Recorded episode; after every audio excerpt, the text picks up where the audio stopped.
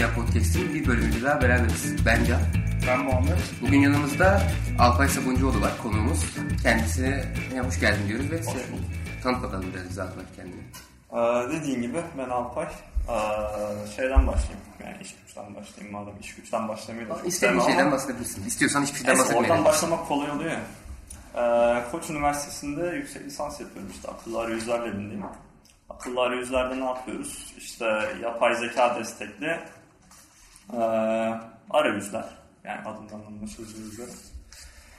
Ee, şu anda ben eğitim üzerine çalışıyorum. Hani ne zamandır çalışıyorum? 2-3 yıldır çalışıyorum herhalde eğitim üzerine. Özellikle e, son zamanlarda hani revaçta bir kelime olan STEM eğitimi üzerine çalışıyorum. İşte programlama, e, fen bilimleri eğitimi nasıl olabilir, matematik eğitimi nasıl olabilir?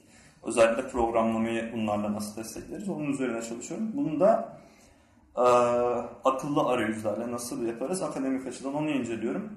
Onun dışında da özellikle sürdürülebilirlik ve çocukların sosyal becerileri üzerine hem bu programlamayı hem yeni veri bilimine hem de fen bilgisinin yeni konularını nasıl ortaya çıkarabiliriz onun hakkında çalışmalar yapıyorum. Evet, çok güzel. Ya ben şey önereceğim ya, bu sürdürülebilirlik kelimesinin yenisini mi çıkarsak? Söylemesi çok zor olmuyor mu? Sürdürülebilirlik. Evet biz diyoruz da herkes. Böyle herkes yuvarlaya gidiyor yani. Ben Zaten kelimeyi hakkıyla söyleyen yok. Ben söyleyemiyorum zaten. Peki, önerin nedir? Anlamıyorum. Bir Bilmiyorum. önerin var mı? Sürt. Sürt, aynen. Sürt. yani sürt.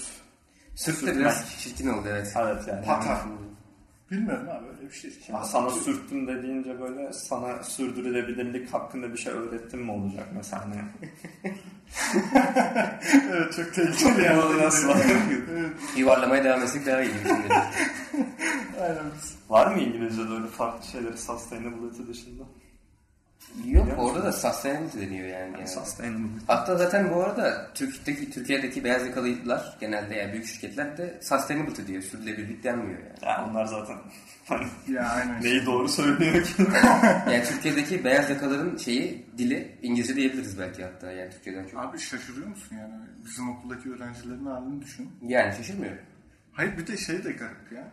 Hani İngilizcesi o kadar da iyi değil aslında. Hani böyle şey desen ne bileyim işte yıllarca Amerika'da yaşamış Öyle. artık native olmuş falan. Yok ama öyle bir şey de yok. Yani gerçekten İngilizce sunum yap desen sunum yapamayacak insanlar böyle her kelimeyi Ya çok garip. İngilizcesini söylüyor. Türkçe bağlaçları kullanıyor. Ha, Instagram'da biosunda böyle özlü bir söz İngilizce falan. Yani o İngiliz dilinin kültüründen de kaynaklanıyor bence biraz. Çünkü çok havalı geliyor İngilizce konuşmak, o kelimeleri kullanmak. CNBC'de görünce o kadar. Öyle. Tabii canım. CNBC'de Şey şey. En sevdiğin dizi karakterleri böyle İngilizce küfür falan deyince senin de edesin geliyor yani İngilizce konuşasın geliyor. Biz böyle insandan nefretimizi mi kusacağız böyle? Yani, İlerliyoruz ona doğru. Başka nefret ettiğimiz neler var? İlginç bir soru aslında. Bu dünyada nelerden nefret ediyorsun? Ha şey demişti bir önceki e, konuğumuz e, alternatif bir soru olarak tarihte en çok nefret ettiğin karakter kimdir diye bir soru sormuştu. Sana soru Sen deneme yapalım o soruyu. çok enteresan bir soru bu arada. Tarihte en çok nefret ettim. Bu Fight Club'da vardı ya kimi dövmek istersin sorusu. Yani tarihten kiminle dövüşmek istersin.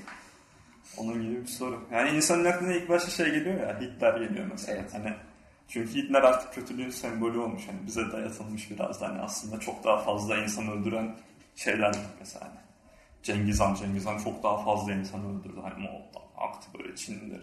Öyle mi? Daha mı fazla insan oldu? Tabii canım Cengiz Han hem daha fazla insan öldürdü hem de onun dışında adam binlercesine tecavüz etti mesela. Hani Hitler öyle bir eylemde bulunmadı mesela. Hani Nasıl bulunmadı ya? kişisel olarak tecavüz etmedi. Kişisel olarak evet.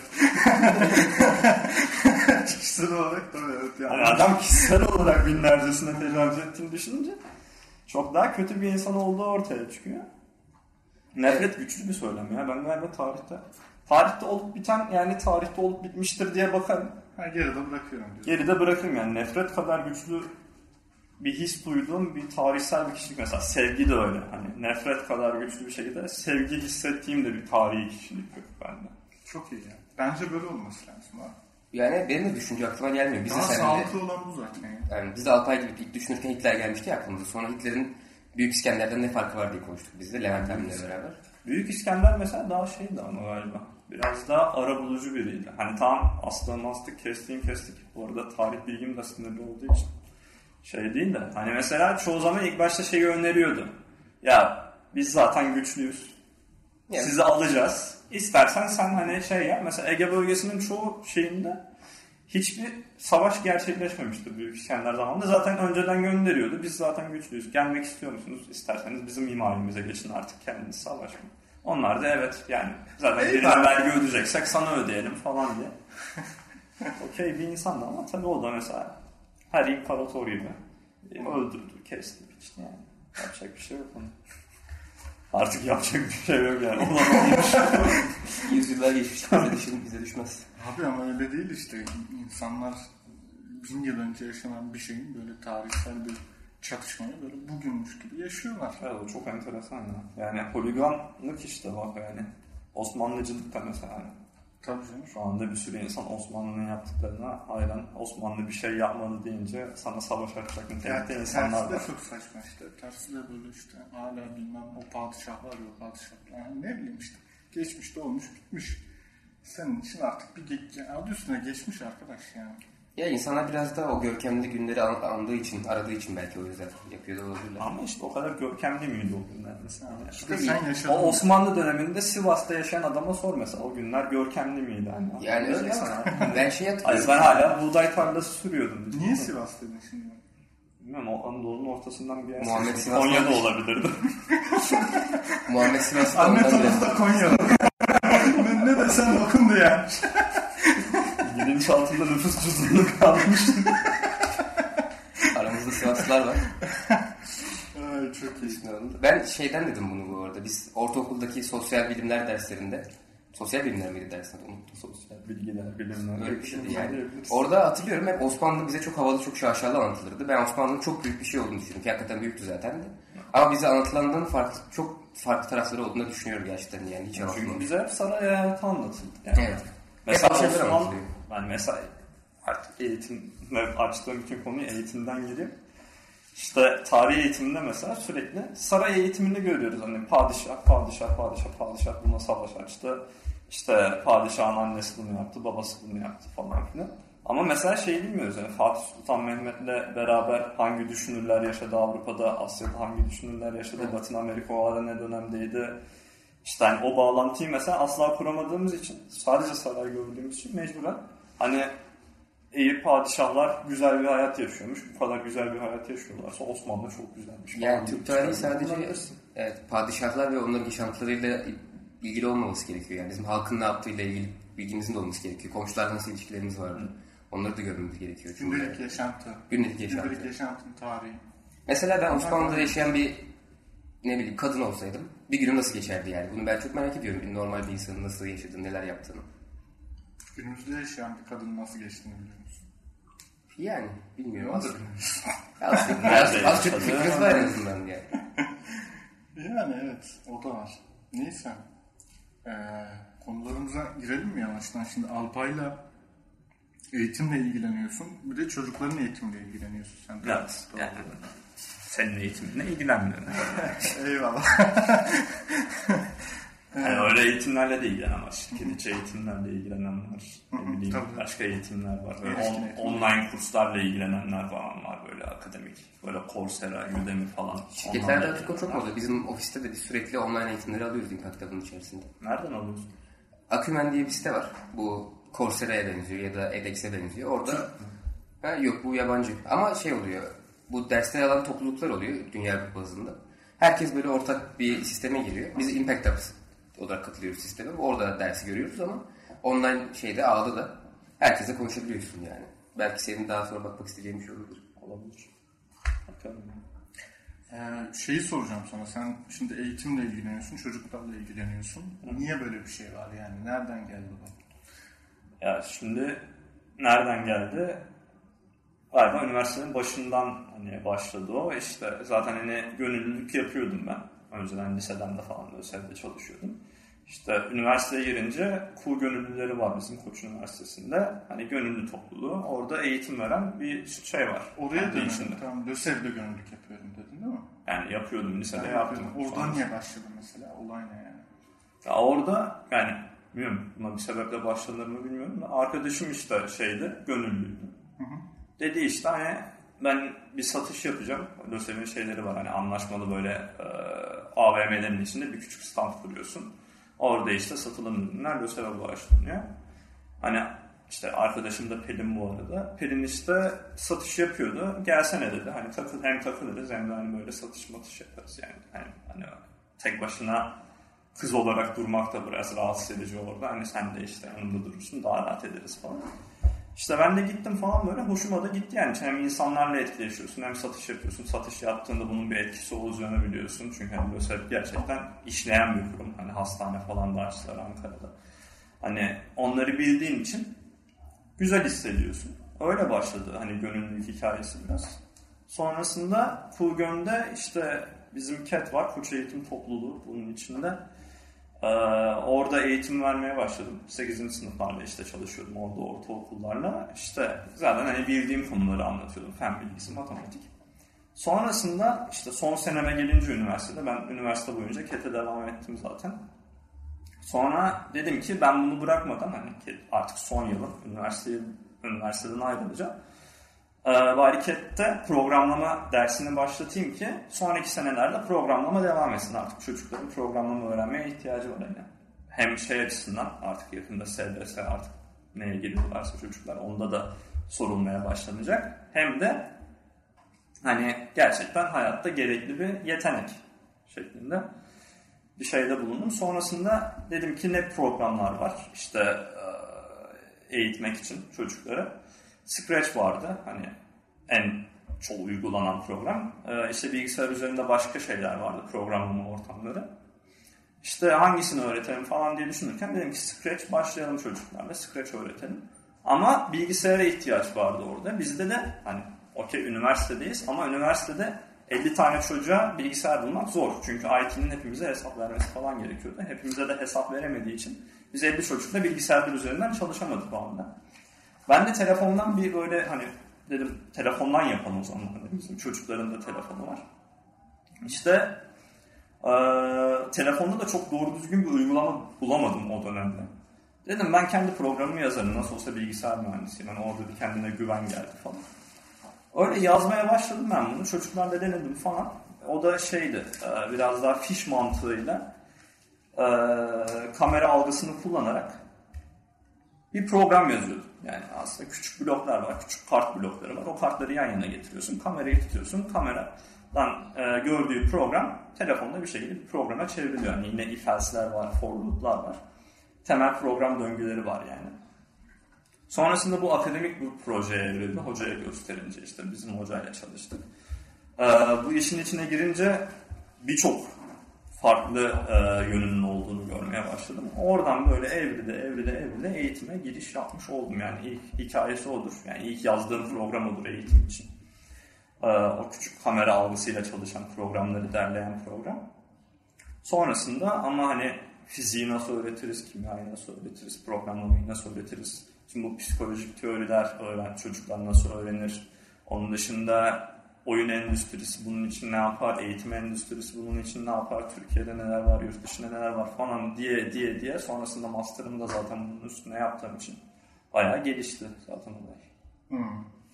Yani hiç hep bu alanda ilerlemişsin yani az çok. Yani evet. Üniversite sonundan beri zaten üniversite sonundan beri de çok geçmedi bu arada. Bir sene işte. Hı hı. Üniversitenin son senesiyle beraber iki belki üç sene diyebileceğimiz bir süre içinde sadece eğitim üstüne çalıştım açıkçası. Ee, şimdi senin bu e, bunu bir girişim fikrine de dönüştürdün değil mi? Yani girişim fikrine dönüştürmeye çalıştım. Hani Hı. girişim fikrine döndü mü dönmedi mi tam olarak bilmiyorum. Ama yani girişim fikrine dönmesinin sebebi açıkçası hani para kazanma ihtiyacı. Çünkü ben sadece bunu yapıyorum. Ee, master zaten geliri ortada. Hani master geliri çok bir şey değil. Ee, yaşamak için de paraya ihtiyacım var. Hani çalışmalarını sürdürmek için de paraya ihtiyacım var. O yüzden anlamlı bir girişim yapmaya çalışıyorum. Anlamlı bir girişim yapmak da zor. Hani kurmak zor. Çünkü oradan nasıl para kazanacağını e, bilmen gerekiyor açıkçası. Hani tüm çünkü bu pedagojik teorileri uygulamaya çalışıyorsun. Akademiden bildiğin şeyleri ortaya dökmek istiyorsun. Ee, onun dışında kullanılır olması gerekiyor. Yani eğitimde kullanılırlık de- diyebileceğim bir şey de var. Hani bir sürü uygulama yazabilirsin ama çocukların ilgisini çekebilecek çok az uygulama vardır. Yani o ilgi çekme tamam. Tüm akademik teorileri uygulayabilirsin. Ee, psikolojik teorileri uygulayabilirsin ama çocuğun ilgisini çekmezse yapacak bir şey yok zaten. Yani tüm o şeylere uysa bile çöp olmuş olur uygulama. Yani günümüz yani eğitim sisteminde genelde çocukları çok düşünmeden belirli şeyler e, müfredatlar oluşturuluyor ve onların ilgisini nasıl çekeriz çok odaklanılmıyor. Senin en büyük yaptığın şeylerden bir tanesi de çocuklara odaklanmak aslında gerçekten. Evet, çocuklarla beraber tasarlamaya çalışıyoruz. Hani bir, ya da kendim tasarladıysam çocuklarla denemeye çalışıyorum. Hani hangi yaş grubu için tasarladıysam modeli. Açıkçası direkt çocuklarla deniyorum. Zaten çevremde de çok çocuk var. Yani hem TEGEV'le çalışıyorum hem Habitat Derneği'yle çalışıyorum. Ee, onlar üzerinden birçok aslında şeyde hani e, kullanıcı çalışması da gerçekleştirmiş oluyorum. Şey demişti ya ben yanlış mı hatırlıyorum ama Caner sanki Alpay işte gitti başka Anadolu'da Anadolu'da denedi bunları. Evet Anadolu'da falan da denemeye çalışıyorum yani. Çünkü zaten şöyle bir şey var. Ee, biz mesela şu an Sarıyer'deyiz. Sarıyer'deki çocukla açıkçası Zeytinburnu'ndaki çocukla bir değil. Aynen. Onun dışında İstanbul'daki çocukla işte Tokat'a gitmiştim mesela. Tokat'taki çocuk da biri değil. Öyle şeyler var yani. Tokat'ta işte şey yapmıştık. Öğretmenlerle beraber bir çalışma yapmıştık aslında. Öğrencilerle değil de. Öğretmenler için de aynısı geçerli tabii. İstanbul'daki öğretmenle işte Anadolu'daki bir öğretmen de bir olmuyor. Açıkçası olanaklar konusunda bir olmuyor. Mesela öğretmen ağının çalışmalarında İstanbul'da 4-5 çalışma gerçekleşebiliyorsa çünkü çok öğretmen var. Bir anda hepsi birleşebiliyorlar. Anadolu'da çok daha az çalışma yapılıyor. Mecburen hani işte orada birleşme çok daha zor gerçekleşiyor belli sebeplerden. Ee, işte Tokat'a da gitmiştim. Evet, hani Samsun'dan başlayıp hatta Tokat'a gitmiştim. Orada işte hani o dediğim kamera algısıyla çalışan programı denettirmek için çocuklarla. Hatta öğretmenlerle de işte öğretmenler bunu nasıl öğretir acaba işte hani çünkü öğretmenlerin de mesela öğrenmesi lazım. Çünkü şu anda programlama bilen çok öğretmen yok. Hadi programlamayı e, öğretelim dersen Anadolu'da bir okulda onu mecburen ya matematik hocası verecek ya işte hani ilgili bir hoca verecek diyeyim.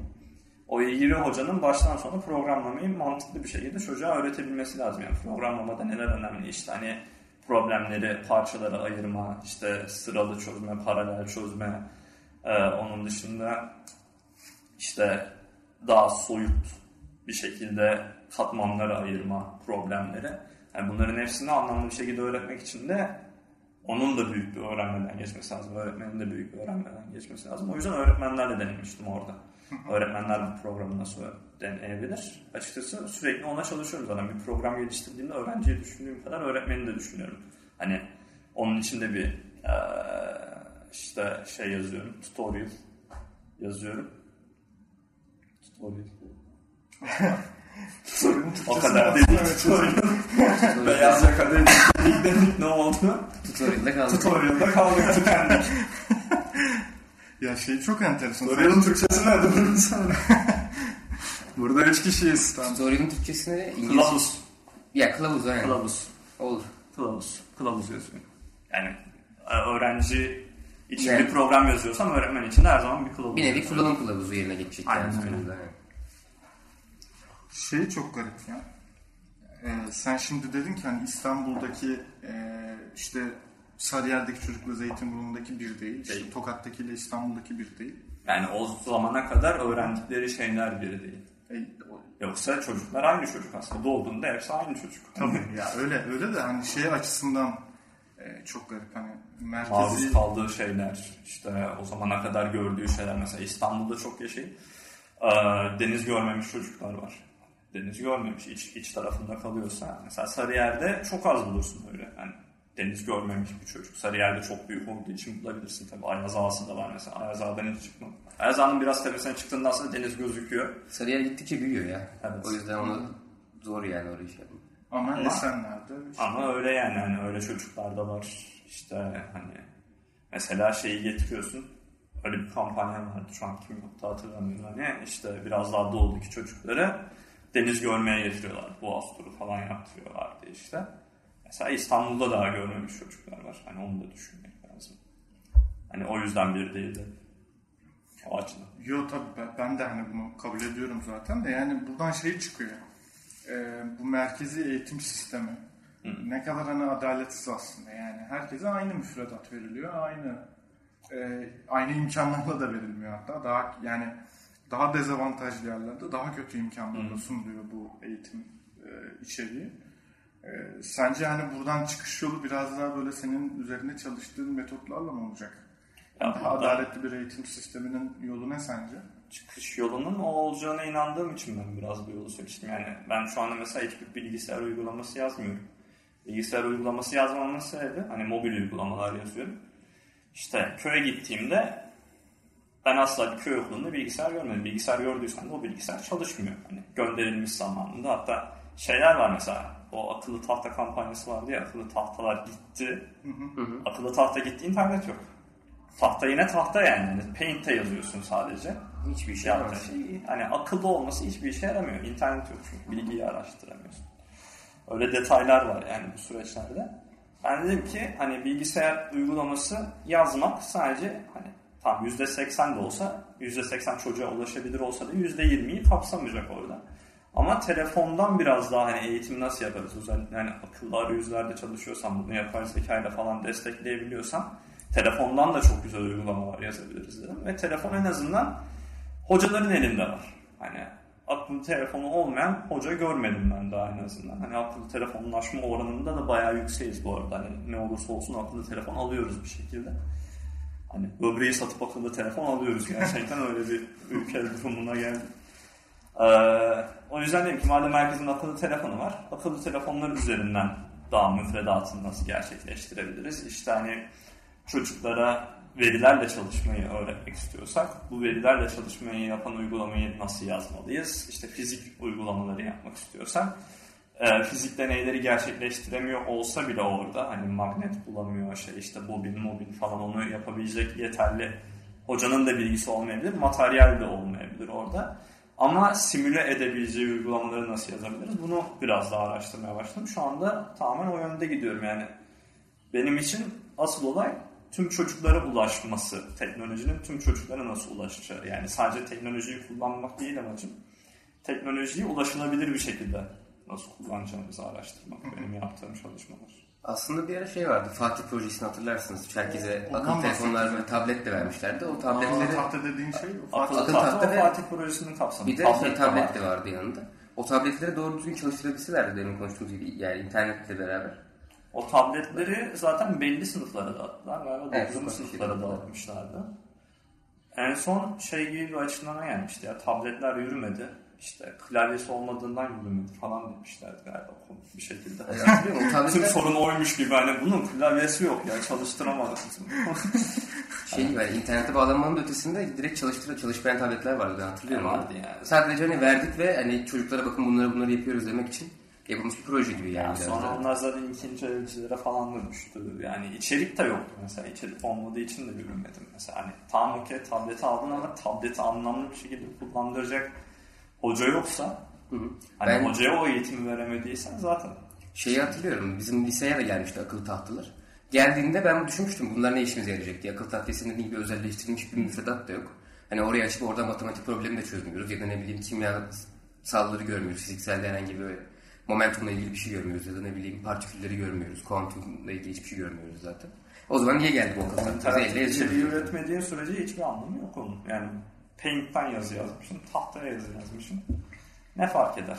Tahtadan yazmak daha iyi belki. Tahtadan canım. yazmak çok daha iyi.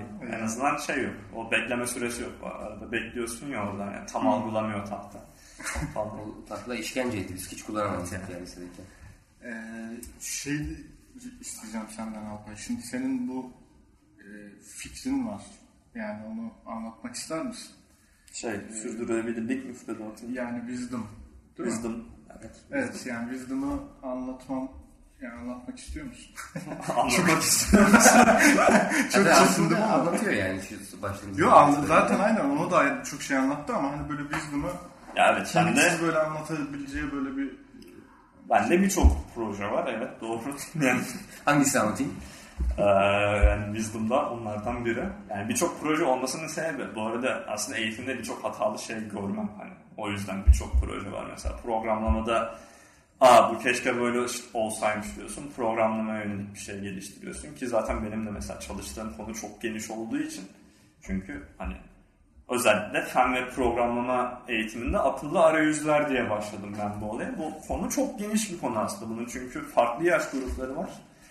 Farklı konuları var. Programlamanın da içinde fiziğin, kimyanın, biyolojinin de içinde farklı konular var. Birçok konu var. Mesela bu fen bilgisinin içinde sürdürülebilirlik de var. Bir sürü konu var aslında.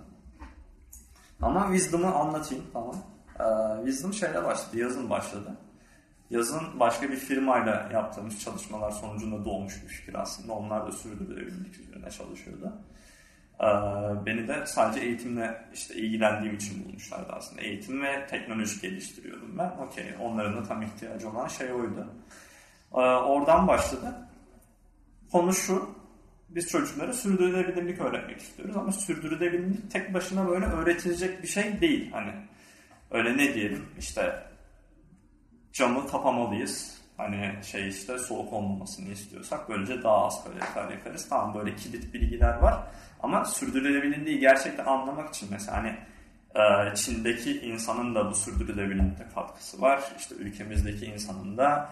Çünkü globalleşen bir dünyadayız. Ee, hani bir telefon üretiyorsak oradan geliyor işte ama sadece oradan gelmiyor bir sürü parçası diğer yerden geliyor. Hatta mesela et yiyorsan bile işte bir sürü aslında farklı ülkeden mesela arpayı alıyorsun, tohumu alıyorsun falan.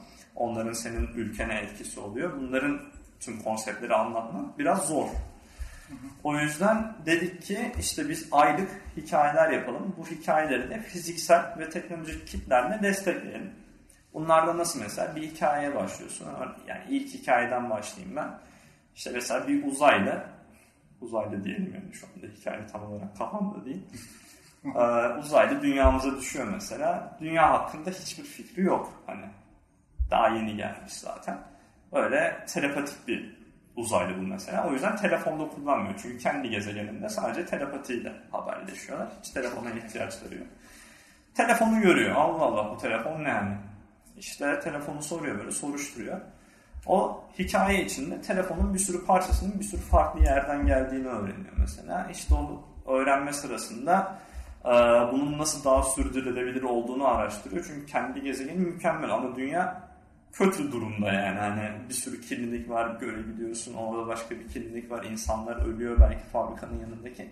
Onun sebeplerini de araştırıyor. Onun sebeplerini araştırırken sen bir yandan da yani çocuk bir yandan da şunu yapıyor.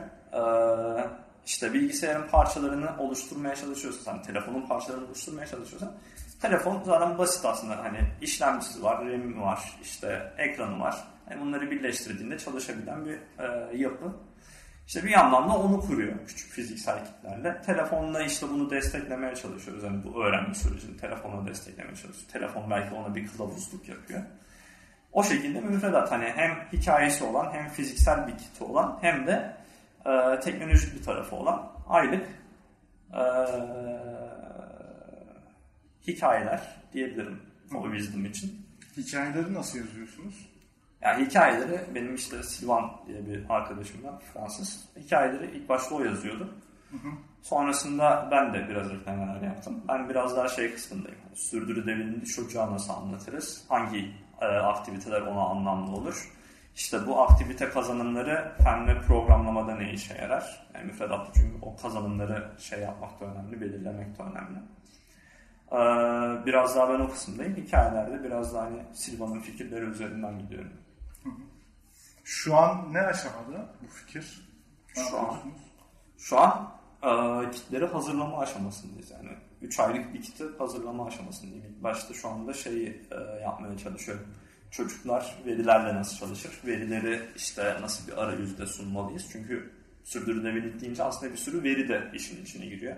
bir sürü veriyi anlamlandırması gerekiyor çocuğun. Yani çocuklarda şöyle bir şey var. Görmediği şey inanmıyor. Hani sen Çin'de böyle bir durum var diyorsun. Ama o çocuk Çin'i görmemiş. Hani belki de yok. Hani ne, ne bileceksin? Hani bu adam niye beni kandırmaya çalışıyor da olabilir. Öyle şüpheci bir yaklaşımları var. Hatta hani onu Piaget de diyor mesela. Çocuklar kendi deneyimlemediği şeyi e, asla öğrenmezler diyor. Hani zaten bizim müfredat da biraz belki orada şey yapıyor, e, yamuluyor. Orada yamulmaya başlıyor. Biz sürekli bilgiyi veriyoruz, bilgiyi veriyoruz ama onu hiç deneyimlettirmiyoruz. Hani fizik. Mesela ben hiç fizik deneyi yaparak gelmedim şu aşamalara. O da çok enteresan mesela. Ben onun için herhalde kötü bir öğrenciyim. Hani fen lisesinde falan okudum. Çok az deney yaptık biz mesela. Hadi ya. Fen lisesinde Fen lisesinde. Yani çünkü ihtiyacım ki zaten hani en sonunda yapacağın şey ne? Bir tane test. Ha. O testte başarılı olduğun sürece çok da bir önemi yok. Yani Evet. deney yapmışsın, deney Zaten yapmamışsın. fen lisesi olmasının nedeni de sürekli deney yaptığın için değil yani. Daha Yani çok evet. şey yani testten daha çok daha iyi yapması ihtimali olan çocuklar olduğu için fen lisesi belki deniyor yani. Ya zaten liselerin de çok iyi olmasının sebebi orada hani bir kadro var. İyi öğrenciler bir araya geliyor. Daha iyi oluyorlar. Kötü öğrenciler bir araya geliyor. Daha kötü oluyorlar.